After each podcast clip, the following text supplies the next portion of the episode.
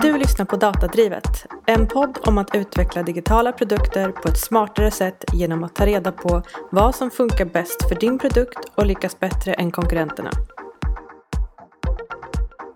Hej! Hej Adam! Välkommen! Tack så mycket! Adam Hjort, eh, du har jobbat eh, inom SAS i över tio år i alla möjliga olika roller från sälj och customer eh, success och i olika produktbolag. Kan du berätta vad du gör idag? Yes, jag har faktiskt ganska nyligen bytt jobb. Jag börjar nu för, ja vad är det, en vecka sedan.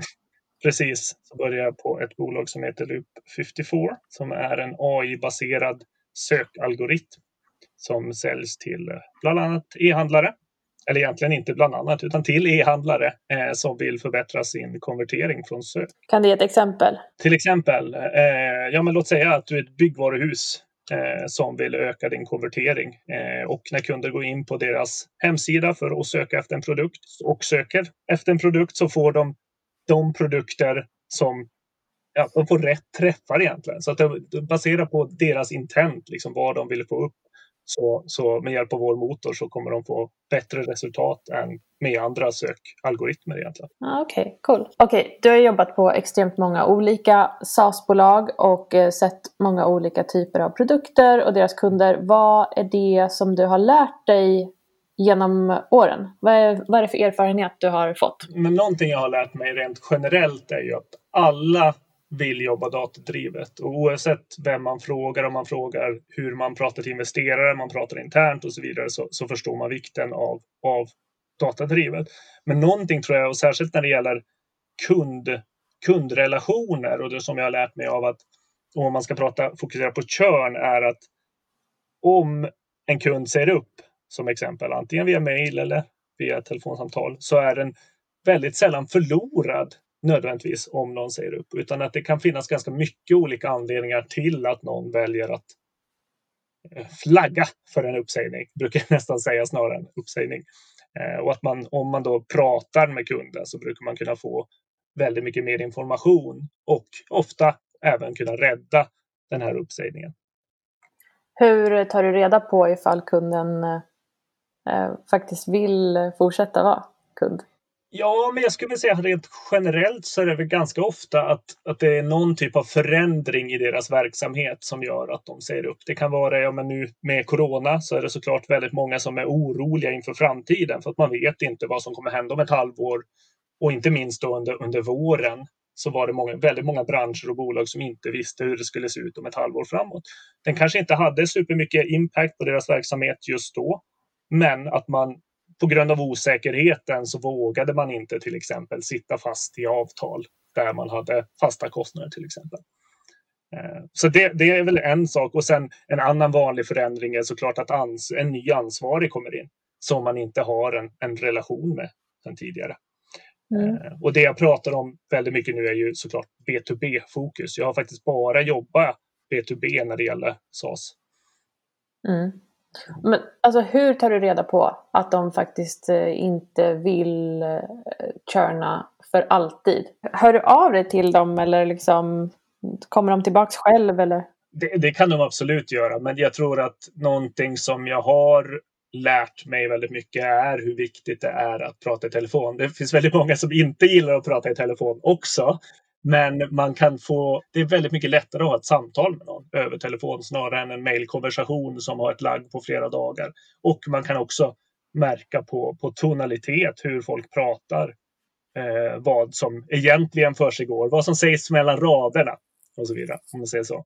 Kan du ge oss lite olika exempel på experiment som eh, du har gjort? Eh, eh, dels om churn, men också för att ta reda på är det här en bra produkt? Hur kan vi göra produkten bättre? Någonting som har blivit kanske mitt eh, favoritexperiment eh, är det som jag började med på, på GetAccept som jag var på tidigare. Jag jobbade som produktchef på GetAccept eh, som är ett eh, väldigt snabbväxande svenskt techbolag för e-signering och sälj. Eh, men det jag gjorde var då att i, på halvårsbasis skicka ut en typ av enkät till alla aktiva användare. Så eh, med hjälp av Intercom skickades det här ut eh, för att helt enkelt ta reda på vad kunderna tyckte om våran plattform. med hjälp av några enkla frågor. Första frågan som jag ställer är hur skulle du känna om du inte kunde använda vår plattform längre? Där man har tre svarsalternativ. Eh, väldigt eh, besviken, eh, någorlunda besviken eller inte besviken. Och den frågan ställs helt enkelt för att få en inblick av hur nöjda kunderna är. Eh, och den är också formulerad på det sättet för att man ska kunna ganska snabbt förstå liksom att eh, om, om en kund säger att de inte skulle vara besvikna så är det en väldigt tydlig indikator på att det är någonting som inte är rätt i plattformen eller någonting som inte är anpassat till deras förväntningar till exempel. Den andra frågan eh, är helt enkelt vem skulle du, eller vilken leverantör skulle du välja om du inte använder GetAccept? Får man väldigt tydlig indikation på vilka konkurrenter som våra kunder ser som våra främsta konkurrenter eller eh, som man skulle kunna byta till. Eh, vidare så ställer frågan om vilken typ av person den här plattformen är inriktad till. Och den frågan ställer jag för att få en lite mer indikation på om våran core är, eller den coren vi tänker oss ha, är det den som kunderna också ser? Så om vi anpassar vårt budskap eller vårt värdeerbjudande ut efter det. Två frågor till och det är eh, vad är den främsta eh, fördelen med plattformen? Där kunderna med hjälp av fritextvar då svarar hur eller vilka, vilka liksom fördelar som finns med att använda den plattformen. Och den sista frågan är helt enkelt då vad är de bästa eller största förbättringsområdena när det gäller plattformen? Mm. Eh, och sen när man väl har ställt den där eh, frågan och fått förhoppningsvis flera hundra svar beroende på hur många kunder man har så kan man börja grotta ner sig i datan för att helt enkelt kunna förstå bättre vad som till exempel så kan man slicea datan utifrån geografi eh, och se om det skiljer sig mellan olika typer av marknader. Man kan även såklart slicea baserat på vilken plan de är på, hur länge de har varit kunder och ja, det finns ganska mycket man kan göra med hjälp av den datan för att då ja, kunna förstå och kanske anpassa sin, eh, sina... Ja, det kan vara allt från hur man utvecklar produkten till hur man säljer in produkten eller till vad man, vad man gör framöver överhuvudtaget. Det låter jätte, jättespännande att ställa den frågan. Kan du ge några exempel på eh, konkret, liksom, det här lärde jag mig och då gjorde vi den här förändringen och då fick vi det här resultatet? Mm. Alltså, det kan jag säga att de gångerna, jag har skickat ut den här tre gånger eh, till exempel, sen, sen jag började använda den. Eh, och det, jag skulle nog inte kunna säga att det var så mycket som faktiskt triggade en förändring inom organisationen, men däremot så, så fick man ganska mycket vatten på sin kvarn. Som till exempel nu senast när jag jobbade som produktchef så kunde vi ganska tydligt se att de utvecklingsområden som vi hade planerat var precis det som kunderna klagade på. Så där fick man egentligen en bättre insyn i att vi gör rätt grejer helt enkelt. Som en hjälp i prioriteringen eller också kanske få lite sway internt? Precis, att man kan väldigt tydligt då nej, visa på att ja, men de initiativen vi har planerat, det finns faktiskt data på att det här är det kunderna vill ha jag tror att ganska ofta så finns det en, alltså det finns en magkänsla antingen hos grundare eller, eller viktiga stakeholders internt att ja, men det här är viktigt att göra. Men med hjälp en sån, av en sån typ av undersökning kan man faktiskt visa det här. Både internt men även externt om man till exempel har investerat. Att ja, men de, det vi har planerat och prioriterat är det som även kunderna vill ha. Ställer du liksom den här frågan var sjätte månad till alla kunder? Eh, inte till alla kunder utan jag har ställt den till alla aktiva användare som har använt, ja, just i, i det här fallet så har det varit minst tio sessioner i plattformen. Men det här beror ju lite på vilken typ av plattform det är. Det kanske är, ja, men som där jag jobbar idag på Loop 54 så är inte sessioner i sig en särskilt bra mätare på kundaktivitet eftersom det är en plattform som om allting funkar som det ska så är det inte någonting man behöver logga in på till exempel. Ja, det var, hur många frågor blev det? Det var typ så här äh, fem frågor eller så? Precis. Eh, och det låter ganska basic, eh, men man kan få ut ganska mycket av den. Sen en annan eh, helt oväntad fördel som jag har fått med den servern är faktiskt att kunna ganska enkelt ge direkt återkoppling till kunder som, som efterfrågar funktioner som redan finns. Mm. Så om vi tar senast där så, så var det till exempel en ja, men jag tror det var en 30-40 kunder som jag kunde svara till. Ja, men det här finns faktiskt som du har efterfrågat och få väldigt, väldigt mycket på ett väldigt enkelt sätt kunna göra eh, eh många kunder lite nöjdare liksom med, med, ett, med ett kort mejl. Ah, nice, då kanske de hade eh, röstat eh, jättebesviken på den här första frågan. Hur besviken skulle du bli om du inte kunde använda vår plattform mer?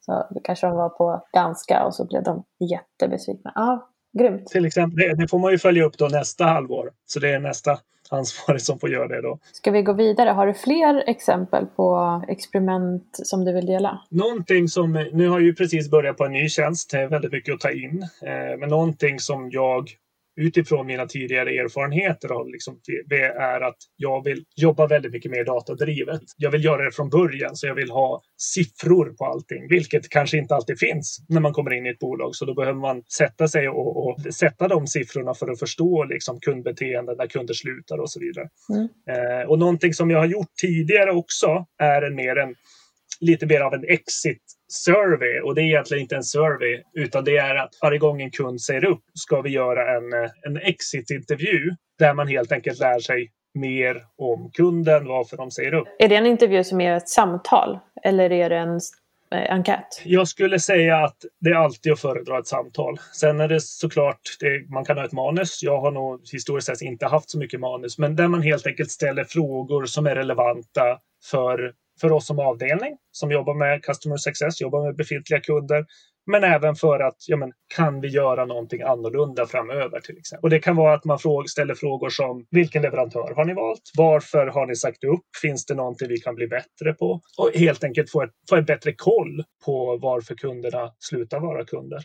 Och det kan såklart användas både till customer success men även produktavdelningen sen. Att är det någonting vi behöver förnula på? Men det kan också vara så att man lär sig det är någonstans i hela vår alltså kundens livstid som vi hade kunnat gjort saker sämre. Eller sämre, bättre menar jag. Eh, och där man också kan, där man också kan se att ja, men om vi har gjort det här har kunden stannat kvar. Och det kan vara allting från att ja, men vi bytte ansvarig. Vi slutade använda en viss typ av funktion och så vidare. Och det var den som framförallt drev kundnöjdhet till exempel.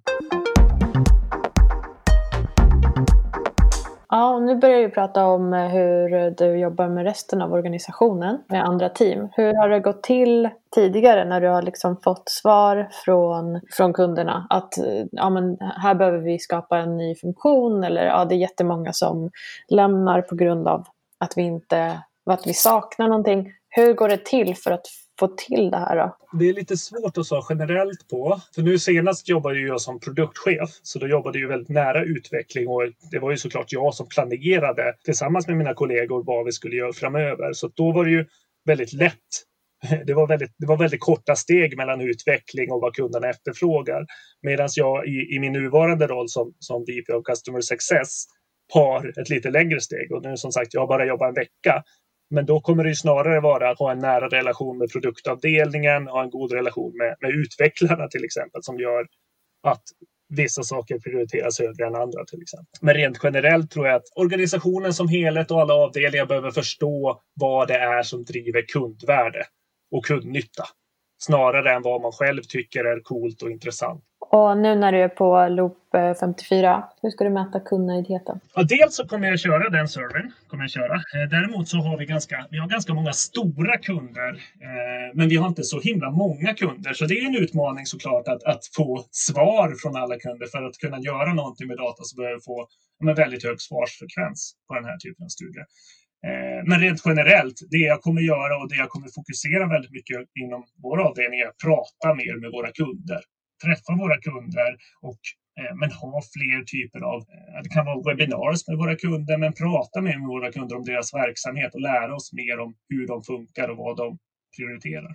Så väldigt mycket mer mjuka värden tror jag faktiskt än, än faktiskt datadrivenhet och det bygger väldigt mycket på den typ av verksamhet vi är. Absolut datadrivet. Vi, som sagt, vi, vi, vi jobbar med att öka konverteringar och det är ju såklart det absolut viktigaste. Men det är också en sån typ av plattform som inte vi kan inte mäta så mycket engagemang hos kunderna. Vi kan faktiskt inte ens mäta konvertering utan det måste vi ha access till deras eh, statistikverktyg för, för, att kunna göra. Och det kan vi, det får vi i många fall. Liksom också för att se detta. Men eh, det handlar väldigt mycket om att bygga starka relationer. Ja. Vi kan mäta konvertering. Vi gör ganska ofta gör vi AB-tester med våra kunder, till exempel om de kikar på andra leverantörer eller om vi kollar på, på modeller och metoder som kan öka konverteringen. Då får vi, vi får väldigt ofta access till deras GA-konto till exempel där vi faktiskt kan se konverteringen. Så att, att vi inte kan se konverteringen är, är lite fel. Det jag, det jag kanske framförallt vill, vill eh, prata om där är att ja, konverteringen i sig kan vara väldigt bra och våra resultat kan vara väldigt bra. Men det säger inte så mycket om hur kunderna ser på det här resultatet. Om inte de förstår det här så spelar det inte så stor roll om, om det faktiskt är så. De måste ju ge er access till sin eh, Google Analytics eller vad de nu har för analysverktyg. Ja. Det är inget som ni i ert verktyg kan se konverteringen på, bara så direkt. Precis. Finns det någon myt som du vill slå hål på? Det här är många som har sagt och nej, det är inte min erfarenhet. Jag vet inte om jag kommer på någon myt så här på rak arm. Ni har inga myter då? Eller ni har inga saker folk säger? Bemöta det istället kanske? Nej, men jag tänkte på det här som, för du sa, du sa förut någonting som jag tycker är intressant för att jag tycker att organisation, roller och mandat är intressant. Eh, för att det är ofta mm. ett hinder för tillväxt om man har strukturerat det på ett tokigt sätt. Du sa, när jag var, när jag var produktchef så var det ju mycket lättare för då hade jag ju nära kontakt med utvecklarna och då, då kunde vi utveckla och du var den som kunde prioritera och som att du har ett intresse av att fråga användarna eh, göra den här enkäten med dem så blev det ju jättestark koppling där och nu kanske du har en roll där du är lite längre ifrån så du får fokusera på att bygga relationer till utvecklarna så att de prioriterar som, ja, men, så att det gynnar liksom det du jobbar med. Men det är ju jätteintressant, jag har inte en fråga, jag bara fastnade vid den att jag tycker att det är så intressant. jo, men det är intressant och, och det som sagt, jag har varit här en vecka så att jag vet inte hur mycket det här faktiskt kommer påverka, men jag kan väl se eller jag kan väl tänka att det kommer göra det på ett annat sätt eftersom jag kommer inte vara den som är ansvarig för att prioritera vad vi utvecklar till exempel, utan jag kommer vara en absolut en viktig stakeholder men det kommer behöva göras mer i samråd med produktchefen på, på Loop 54. Har du några fler exempel på hur du eller de bolagen som du har jobbat med jobbat med eh, churn? Men rent konkret, om vi tar hur jag började nu när jag började på Loop 54 för en vecka sedan. Det jag har börjat med att göra är egentligen att lära mig förstå alla nuvarande kunder. Dels utifrån storlek, men även utifrån behov. Vilka typer av planer de har. Gå igenom dialoger, förstå vad som har gjort, hur man pratar med våra kunder, hur möten går till, när möten går till. Så egentligen få en grundlig genomgång, både från att prata med, med kunder, men med anställda och även då såklart gå igenom datan som finns på kunderna när de sa upp, om de har sagt upp. Alla de som har sagt upp senaste året till exempel. Vad var anledningen till att de sagt upp? Vilken konkurrent gick de till? Varför gjorde de det? Finns det någonting vi hade kunnat gjort annorlunda? Och så vidare. Men sen har man även en del slamkrypare, ska jag kanske inte kalla det, men där man har kunder som sitter kanske lite löst eller som kanske har sagt upp men där det finns möjlighet att, att rädda kvar den businessen. Så det är någonting som jag gör när jag börjar på ett nytt bolag, så jag helt enkelt får en, får en överblick. Eh, försöka vara så ödmjuk som möjligt också när den här görs och inte, inte komma med all fakta från, från dag ett, utan mer ha en öppen approach till hur saker har gått till för att sen kunna både med hjälp av mandat från, från andra medarbetare och, och liksom förståelse för hur vi har jobbat, att ge förslag på hur man kan jobba framöver istället. Var hittar du all den här eh, informationen om kunderna? Det är en jättebra fråga, för det gör man inte alltid. Utan ibland så måste man ta reda på den här datan själv. Eh, ganska ofta behöver man ta reda på det här själv. För att det kanske inte är någon som har haft det, den typen av data datadrivna sättet att jobba på. Det är ju någonting jag har sett, ja, men till exempel när jag började nu på, på Loop 74, att det finns vissa hål när det gäller datapunkter som helt enkelt inte finns där och då behöver man antingen extrapolera dem om det går att göra det från den befintliga datan eller helt enkelt prata med dem som har kunskapen eller prata med kunderna och helt enkelt mappa upp den här datan igen. Men det kan också vara så att man behöver koppla samman olika datakällor som inte har gjorts tidigare. Kan du vara superkonkret med vad du har gjort första veckan här? Ja, men till exempel så har vi ett, ett CS-system eh, som heter Start Deliver, där vi saknar många datapunkter. Det jag jobbar med nu är att, att mappa upp de datapunkterna så att vi får ett system som vi kan jobba utifrån och där vi kan sätta våra processer i, ja. helt enkelt utifrån samtlig data. Vad använder du för verktyg då? Hur, hur ska du samla data? Datan samlas i Start Deliver. Rent generellt för att koppla samman data.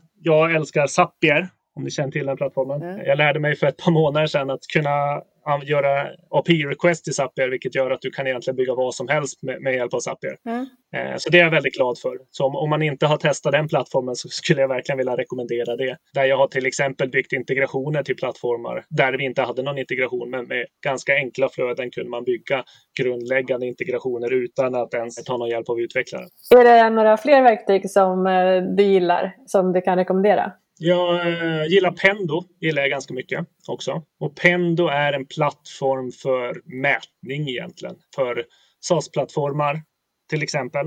Eh, där man helt enkelt kan mäta alla typer av aktiviteter alla användare gör. Och det kan vara allt från klapptryck till hur flöden ser ut till hur kundresor ser ut på en sida till exempel eller i en plattform.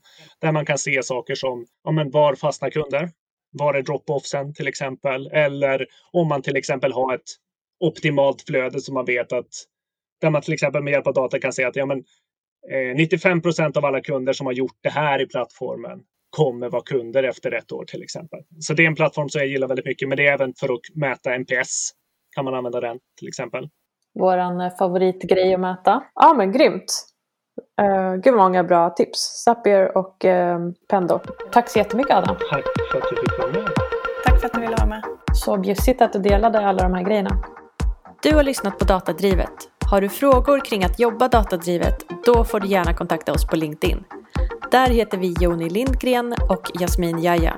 Dela gärna avsnittet med någon du tror skulle bli glad av att lära sig mer om att jobba datadrivet. Screenshotta när du lyssnar på podden och skicka bilden till personen.